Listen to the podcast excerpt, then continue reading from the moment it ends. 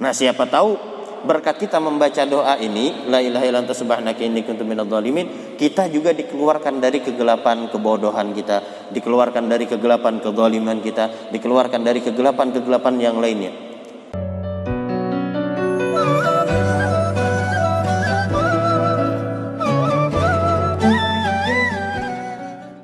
Alhamdulillah Allah Subhanahu wa taala masih memberikan kepada kita umur yang panjang, diberikan taufik dan hidayah kepada kita sehingga beberapa hari lagi, beberapa malam lagi kita akan menemui yang namanya malam nisfu Sya'ban. Malam nisfu Sya'ban yaitu adalah malam yang mana dikatakan oleh baginda Rasulullah sallallahu alaihi wasallam khamsu layalin la turaddu. Lima malam ujar baginda Rasulullah sallallahu alaihi wasallam yang mana di lima malam ini Allah taala mengabulkan doa-doa hambanya. Kada di, kada ditolak doa hambanya tadi. Di antaranya walailatin nisfin min Sya'ban. Di antara lima malam tersebut yaitu adalah malam nisfu Sya'ban. Yang mana malam nisfu Sya'ban itu dikatakan oleh para ulama adalah malam yang paling mulia setelah malam Lailatul Qadar. Jadi bagi kita umatnya baginda Rasulullah Sallallahu Alaihi Wasallam malam yang paling mulia bagi umatnya Rasulullah yaitu adalah malam Lailatul Qadar. Setelah malam Lailatul Qadar yaitu adalah malam nisfu Sya'ban. Yang mana beberapa hari lagi kita akan berjumpa dengan malam tersebut. Mudah-mudahan Allah Taala memanjangkan umur kita, mensehatkan badan kita, sehingga dan diberikan taufik dan hidayah kepada kita, sehingga kita dapat beribadah menghidupkan malam-malam tersebut dan kita semua disampaikan ditemukan dengan bulan Ramadan dan dapat beribadah di bulan Ramadan dengan ibadah yang sebenar-benarnya. Amin amin ya rabbal alamin. Jadi malam nisfu Sya'ban, khususnya kita di bulan Sya'ban ini sebagaimana sabda Rasulullah sallallahu alaihi wasallam wa syahru sya'ban syahri ujar Rasulullah dan bulan Sya'ban adalah bulan aku para ulama mereka mengatakan bulannya Rasulullah sallallahu alaihi wasallam yaitu adalah bulannya kita memperbanyak salawat kepada baginda Rasulullah sallallahu alaihi wasallam bahkan di bulan Sya'ban ini pula terjadi mukjizat Rasulullah Sallallahu Alaihi Wasallam yang berhubungan dengan langit. Di antaranya yaitu terbelahnya bulan terjadi pada bulan Syaban. Yang mana diriwayatkan bahwasanya bulan itu dibelah oleh Rasulullah, kemudian bulan tadi turun dan mengucapkan salam dan bersyahadat kepada baginda Rasulullah Sallallahu Alaihi Wasallam. Ini semua mukjizat yang terjadi di bulan di bulan Syaban. Bahkan dikatakan oleh para ulama kelahiran Rasulullah Sallallahu Alaihi Wasallam itu terjadi dua kali. Yang pertama lahir jasadnya Rasulullah. Lahir jasadnya Rasulullah Wasallam yang kita kenal yaitu di bulan Rabiul Awal atau di bulan Maulid. Itu lahir jasadnya Rasulullah Wasallam. Yang kedua ujar para ulama lahir kemuliaan Rasulullah Wasallam lahir kemuliaan Rasulullah wasallam yaitu ketika Allah taala menurunkan ayatnya yang berbunyi innallaha wa malaikatahu yusalluna 'alan nabi ya ayyuhalladzina amanu sallu alaihi wa sallimu taslima. Dan ayat ini diturunkan oleh Allah Subhanahu wa taala pada bulan Sya'ban yuk. Makanya bulan ini kita dianjurkan memperbanyak salawat Buktinya ayat tadi innallaha wa malaikatahu. Sesungguhnya Allah taala dan para malaikatnya yusalluna 'alan nabi. Senantiasa bersalawat kepada baginda Rasulullah sallallahu alaihi wasallam. Ya ayyuhalladzina amanu wahai orang-orang yang beriman ujar Allah taala sallu alaihi wasallimu taslima. Bersalawatlah kalian kepada baginda Rasulullah sallallahu alaihi wasallam dan ucapkanlah salam sejahtera kepada beliau. Jadi bulan Syaban ini adalah bulan kita memperbanyak salawat kepada baginda Rasulullah. Mungkin kita di bulan-bulan sebelumnya atau di hari-hari selain hari Syaban mungkin ada yang bersalawat 100, ada yang 200, ada yang 300, ada yang 400, ada yang 1000, 2000, bahkan lebih banyak lagi. Ada juga yang bersalawat cuma waktu sembahyang Waktu sembahyang ada yang bersalawat, ada yang bersalawat setelah sembahyang itu aja. Cuma beberapa kali aja. Disuruh salawat 100 kali, umat 100 kali banyaknya. Tapi bilanya masuk bulan Syaban, di sini kita perbanyak salawat kita kepada baginda Rasulullah Sallallahu Alaihi Wasallam. Dan bulan Syaban ini pula, nisfu Syaban itu adalah malam ditutup dan dibukanya buku catatan amal kita selama satu tahun. Jadi amal kita selama satu tahun itu ditutup pada sebelum nisfu Syaban, maghrib nisfu Syaban ditutup catatan amal kita dan dibuka kembali di malam itu. Jadi catatan kita setahun yang lalu, malam nisfu Syaban yang lalu dicatat oleh Allah Taala, oleh para malaikat apa gawian kita selama satu tahun. Jadi pembukaan dan penutupan buku baru bagi kita pada malam nisfu Sya'ban tersebut. Karena itu para ulama mereka mengatakan hendaklah kita sebelum masuk malam nisfu Sya'ban itu hendaklah kita perbanyak ibadah kita. Kita tinggalkan gawian-gawian yang lebih condong kepada maksiat, kita tinggalkan. Kenapa? Karena hendaklah kita membuka atau kita menutup buku catatan kita dengan catatan yang baik. Apabila kita menutup catatan amal kita dengan yang baik dan kita buka dengan yang baik, maka insya Allah akan dipandang oleh Allah Subhanahu Wa Taala dengan kebaikan. Kenapa? Karena awal dan akhirnya baik. Adapun pertengahannya, Allah alam ada yang ini itu dan yang lain sebagainya. Mudah-mudahan Allah taala mengampuni di antara yang dua yang baik tadi. Dosa-dosa yang digawi mudah-mudahan diampuni oleh Allah taala. Kenapa? Karena awal dan akhirnya baik. Bahkan orang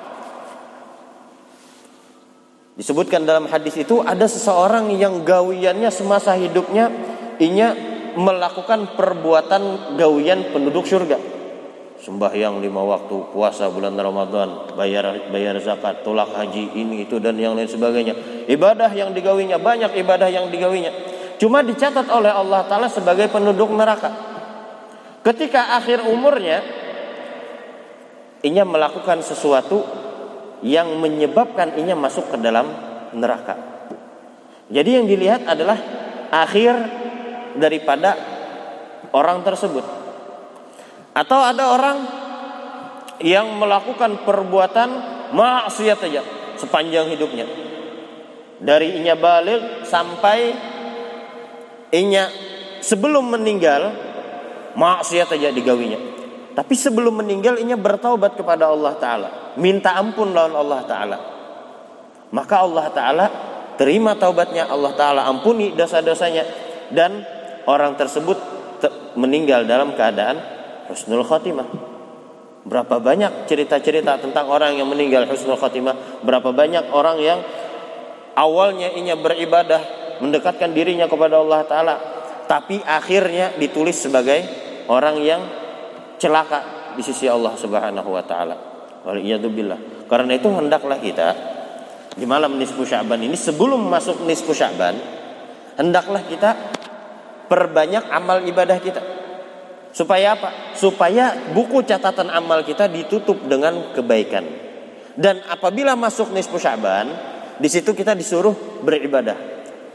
Kan adat kita di sini membaca Yasin tiga kali dengan niatan yang pertama mudahan panjang umur, yang kedua mudah-mudahan apa Allahumma sholli Muhammad? Di, dijauhkan dari bala musibah, yang ketiga. Mudah-mudahan di apa Allahumma sholli Muhammad? Mudah-mudahan diberikan kekayaan oleh Allah Subhanahu wa taala. Artinya kada berharap lawan manusia. Jadi tiga niat itu kita dianjurkan. Kemudian membaca doa Allahumma ya dzal ya Allahumma ya dzal manni wa la yamunna alaih dan yang lain dan seterusnya. Jadi doa amaliyah-amaliyah itu amaliyah yang sangat bagus diamalkan di malam nisfu Sya'ban. Karena itu adalah malam pembukaan buku amal catatan kita. Jadi karena dicatat oleh para malaikat, oh hamba ini fulan bin fulan, ini menutup e, menutup buku amalnya dengan berbuat baik, dengan beribadah kepada Allah Taala, memperbanyak ibadah kepada Allah Taala, dan fulan bin fulan ini memulai buku catatan amalnya dengan perbuatan baik membaca yasin ba'dal maghrib sembahyang sunnah hajat kemudian setelah isya-nya membaca uh, zikir Sayyidina Nabi Allah Yunus alaihi salam la ilaha illa anta subhanaka inni kuntu minadh dhalimin. Jadi ini amaliyah-amaliyah yang bagus kita amalkan. Di antaranya kan tadi membaca zikir la ilaha illa anta subhanaka inni kuntu minadh dhalimin. Sebanyak 2375 ialah 2375 kali. Itu bagus kita amalkan. Kenapa? Karena di dalam zikir la ilaha illa anta subhanaka inni kuntu minadh tersebut di situ mengandung ter, di dalamnya terkandung kalimat tauhid. La ilaha illa anta. Subhanak. Kemudian ada tasbih kepada Allah taala. Inni kuntu minadh dan ada i'tiraf. I'tiraf itu kita mengakui bahwasanya kita ini pendosa merasa hina, merasa berhajat kepada Allah taala. Jadi ini bacaannya sedikit la ilaha illa anta subhanaka inni kuntu minadh dhalimin tapi ini sangat mengandung tiga unsur. Yang pertama tauhid kepada Allah taala, yang kedua memuji kepada Allah taala dan yang ketiga adalah i'tiraf dosa kita, meminta ampun kepada Allah Subhanahu wa taala. Itu bagus diamalkan 2375 kali. La ilaha illa anta subhanaka inni kuntu minadh dhalimin. Bahkan Nabi Allah Yunus alaihi salam wa dhannuni idh dhahaba mughadiban. Ujar uh, ujar Allah taala wa dhannuni idh mughadiban fa dhanna alla naqdira alaihi fanada fi dhulumati alla ilaha illa anta subhanaka inni kuntu minadh dhalimin. Dan Zannun, Zannun itu adalah Nabiullah Yunus. Zunnun yang uh, nun itu adalah ikan ikan nun. Wa Zannun. Nabiullah Yunus alaihissalam idzahaba mughadiban ketika beliau uh, meninggalkan kaumnya sebelum diperintahkan oleh Allah Subhanahu wa taala mughadiban dalam keadaan murka, sakit hati lawan kaum tadi. Sudah diajak oleh Nabiullah Yunus ayo beriman kepada Allah taala tapi kada ada yang beriman lawan Allah Ta'ala. Semakin diajak semakin mulu-ulu, semakin diajak semakin mulu-ulu. Akhirnya Nabi Allah Yunus alaihissalam kada tahan lagi. Maka Sidin berhijrah sebelum diperintahkan oleh Allah Subhanahu wa taala. Maka ketika di pertengahan jalan, ketika di kapal, kapal tadi maju kada, mundur kada, stop kada mau jalan. Bahkan ada gelombang dan yang lain sebagainya. Maka mereka ber mengambil sebuah pendapat bahwasanya kita kuncang. Kita kuncang siapa yang namanya keluar maka orang tersebut yang dicaburakan ke ke laut. Kenapa? Karena mungkin ada orang yang menyebabkan di antara yang hadir di kapal itu yang menyebabkan bencana alam ini. Maka dikuncang keluar nama Nabi Allah Yunus. Ujar orang-orang, Kata mungkin ini Nabi Allah Yunus, Nabi Rasul. Dikuncang lagi Nabi Allah Yunus lagi, dikuncang lagi Nabi Allah Yunus lagi. Lalu akhirnya Nabi Allah Yunus dilemparkan ke ke laut dan dimakan oleh ikan ikan paus tersebut. Makanya Nabi Allah Yunus menyadari kesalahan yang beliau lakukan yaitu meninggalkan kaumnya sebelum diperintahkan oleh Allah taala maka beliau di dalam perut ikan tadi berdoa. Di di dalam kegelapan perut ikan, di dalam kegelapan apa malam, di kegelapan laut lagi dan di kegelapan perut ikan ikan nun tadi. Nabiullah Yunus berdoa, La ilaha illa anta subhanaka inni kuntu minadh dhalimin. La ilaha illa anta subhanaka inni kuntu minadh dhalimin. Itu aja yang diulang-ulang sidin. Makanya Allah Ta'ala, ujar Allah Ta'ala, seandainya Nabiullah Yunus ini bukan termasuk orang yang ketujuh bertasbih, maka kami kada kada menyelamatkannya. Maka akan kami biarkan sampai hari kiamat di dalam perut tersebut. Tapi karena membaca doa tadi dikeluarkan dari kegelapan. Nah, siapa tahu berkat kita membaca doa ini la ilaha illa anta subhanaka inni kuntu kita juga dikeluarkan dari kegelapan kebodohan kita dikeluarkan dari kegelapan kezaliman kita dikeluarkan dari kegelapan-kegelapan yang lainnya Maka kita disunahkan tadi membaca la ilaha illallah subhanaka inni kuntu minadh dhalimin. Dan bagi orang yang bertaubat di malam nisfu Sya'ban itu taubatnya diterima oleh Allah Subhanahu wa taala. Istighfarnya diterima oleh Allah Subhanahu wa taala kecuali ada beberapa orang yang dosanya atau taubatnya atau orang tersebut e, termasuk orang yang kada diampuni oleh Allah Subhanahu wa taala. Disebutkan dalam sebuah hadis di dalam e, kitab Tuhfatul Ikhwan di situ sebutkan qala Rasulullah sallallahu alaihi wasallam innallaha yaghfiru li jami'il muslimin fi tilkal lailah illa likahin aw sahir aw musyahin aw mudmin khamrin aw aqun liwalidayhi Al hadis atau kama Rasulullah sallallahu alaihi wasallam. Ujar Rasulullah sallallahu alaihi wasallam Rasulullah sallallahu alaihi wasallam bersabda Innallaha yaghfiru li jami'il muslimin. Sesungguhnya Allah subhanahu wa ta'ala mengampuni kepada seluruh orang yang muslim. Siapa aja yang ingin mengucap la ilaha illallah Muhammadur Rasulullah Atau mengucap dua kalimat syahadat Maka orang tersebut adalah orang yang muslim. Maka ujar Rasulullah Allah Ta'ala mengampuni dosa-dosa seluruh orang yang muslim fitil kalailah pada malam nisfu sya'ban tersebut. Seberatan diampuni oleh Allah Ta'ala. Illa kecuali orang yang apa? Illa dikahin kecuali bagi orang yang kahin.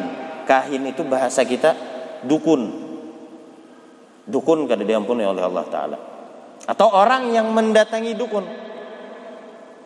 Kadang ada orang kena ini itu dan yang lain sebagainya datang ke ke, ke dukun. Hendak menyantet orang, hendak jampi-jampi orang ini itu dan yang lain sebagainya. Selama ini datang ke dukun, maka orang tadi kada kada diampuni oleh Allah Subhanahu wa taala atau dukun tersebut kada diampuni oleh Allah Subhanahu wa taala.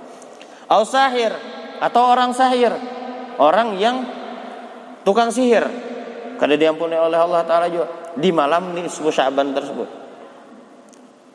Au musyahin. Nah, atau orang yang saling ber apa musyahin itu bertengkar atau saling bermusuh-musuhan. Itu kada diampuni oleh Allah Subhanahu wa taala. Bahkan disebutkan dalam hadis yang lain, ujar Rasulullah sallallahu alaihi wasallam, "Salasatun la turfa'u salatuhum fawqa ru'usihim shibran." rajulun amma qauman lahu karihun wa mar'atun batat wa zawjuha alaihi sakhitun wa akhawani mutasariman al hadis atau kama qala wajar Rasulullah tiga tiga golongan yang salah satu la turfa'u salatuhum fawqa ru'usihim shibran. Tiga golongan ini salat mereka tidak diangkat oleh Allah Subhanahu wa taala. Walau sejengkal walau sejengkal daripada kepalanya. Artinya sembahyangnya ini masih mawang-awang kada sampai lagi pada Allah taala. Sembahyang orang ini tiga golongan ini masih belum diterima oleh Allah Subhanahu wa taala siapa mereka yang pertama rajulun amma qauman wa hum lahu karihun seorang laki-laki yang menjadi imam atau yang menjadi pemimpin tetapi rakyatnya atau makmumnya benci kepada orang tersebut. Ada ketujuh. Maka sembahyang imam tadi atau sembahyang pemimpin tadi itu tidak diangkat oleh Allah Subhanahu wa taala. Jadi hati-hati kita sebagai pemimpin atau kita sebagai imam dan kita semua ini adalah pemimpin. Ujar Rasulullah kullukum ra'in wa kullukum mas'ulun an ra'iyatih. Setiap kalian adalah pemimpin dan kalian akan ditanya dari kepemimpinan kalian yang berisi bini jadi pemimpin bagi, bagi bininya yang berisi anak jadi pemimpin bagi anak dan bininya yang belum kawin jadi pemimpin bagi dirinya seorang yang bibinian pemimpinnya apabila waktu lakinya kedada di rumah apakah hanya menjaga kehormatan rumahnya kehormatan lakinya kehormatan e, dirinya sendiri kalau kau menjaga berarti adalah adalah perempuan yang solehah. Jadi ujar Rasulullah kulukum setiap kalian ini adalah pemimpin. Jadi hendaklah kita sebagai pemimpin itu bagaimana caranya kita supaya makmum kita atau rakyat kita kada benci lawan kita. Kalau rakyat benci kepada kita, hati-hati. Hati-hati. Sembahyang kita kada kada diterima oleh Allah Subhanahu wa taala. Salah satu latur fawqa ru'usihim sibran rajulun amma qauman wa hum lahu karihun. Itu yang pertama. Yang kedua, wa mra'atun batat wa zawjuha 'alaiha sakhitun. Dan perempuan ujar Rasulullah yang mana sepanjang malam inya bermalam wa zawjuha 'alaiha sakhitun dan lakinya murka lawannya. Murka kenapa? Murka dalam hadis lain seandainya laki membawai bini untuk menuntaskan kodoh hajatnya. Cuma ujar bini indah, ujar bini kada, maka sepanjang malam itu malaikat melaknat kepada bini tersebut. Kayak itu juga ini. Bibinian yang dibawa lakinya misal untuk menuntaskan hajatnya. Ujar nang bini indah, ulun uyuh, indah, ulun ini itu dan yang lain sebagainya. Hati-hati. Wa mra'atun batat wa 'alaiha sakhitun. Dan perempuan yang bermalam satu malam lakinya murka lawannya, kada ketujuh lawannya. Benci lawannya. Kenapa? Gara-gara kada mengabulkan hajat si laki. Yang terakhir wa akhawani mutasariman dan dua orang bersaudara yang mana dua bersaudara ini mutasah uh, wa akhawani mutasarimani dua saudara ini saling musuh memusuhi saling bermusuhan. Jadi ini hati-hati. Sembahyang orang-orang ini kada diterima oleh Allah Subhanahu wa taala. Bahkan di malam nisfu Sya'ban yang mana Allah taala mengampuni dosa-dosa seluruh kaum muslimin dosa orang tersebut kada diampuni oleh Allah Subhanahu wa taala. Jadi bahaya kalau ada sampai ada permusuhan antara antara kaum muslimin. Kemudian wa, wa musyahin au mudmin khamrin atau orang yang mabuk-mabukan, meminum sesuatu yang memabukkan atau memakan sesuatu yang memabukkan. Bilanya malam nisfu Sya'ban kada bertaubat pada Allah taala, kada diampuni dosanya oleh Allah Subhanahu wa taala au akun liwalidayhi atau orang tersebut durhaka kepada kedua orang tuanya. Nah, ini hati-hati, durhaka kepada kedua orang tua. Bahkan durhaka kepada kedua orang tua ini disebutkan di dalam Al-Qur'an apa? Wa qadha rabbuka alla ta'budu illa iyyah wa bil walidaini ihsana. Wa qadha rabbuka Allah taala menentukan menentukan kepada Eh, wa qadara rabbuka alla ta'budu bahwa tidak menyembah illa iyah kecuali kepada Allah. Wa wa bil walidaini ihsana. ihsana. Ini Allah taala menyertakan jangan menyembah kepada selain Allah dan berbaktilah kepada kedua orang tua. Ini kedudukan berbakti kepada orang tua ini adalah kedudukan yang tinggi di sisi Allah taala. Makanya disebutkan oleh Rasulullah sallallahu alaihi wasallam ujar Rasulullah ridallahu fi ridha walidain. Ridhonya Allah pada terletak pada ridho kedua orang tua kita. Kalau orang tua kita ridho kepada kita, ridhonya Allah bakal kita dapatkan. Tapi kalau kita cuma menuntut keridhaan Allah, keridhaan kedua orang tua kadang kita tuntut ngalih mendapatkan keridhaan Allah. Jadi cara kita mendapatkan keridhaan Allah di antaranya dengan berbakti kepada kedua orang tua. Bahkan di dalam ayat di dalam Al-Qur'an itu wala taqul lahuma uffin. Jangan sekali-kali bahasanya berkata lawan kuitan cih. Cih aja. Misal ujar kuitan, tukarakan pang ini. Cih jar ulun tarus. Nebucep cih itu jangan ujar Allah Ta'ala termasuk daripada kalimat yang ditegah oleh Allah Subhanahu wa taala. Wala taqul uffin. Jangan berkata kepada keduanya cih. Apalagi sampai menyambati lawan kuitan, sampai memusuhi lawan kuitan, mengkelahi, menampar dan yang lain sebagainya. Itu nyata sudah sebagai anak yang durhaka. Jadi hati-hati kita lawan kedua orang tua kita itu.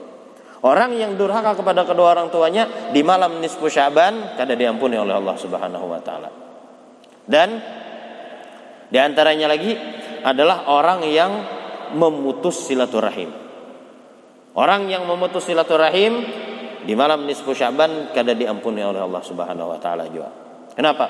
Karena silaturahim ini sangat penting. Sangat penting silaturahim.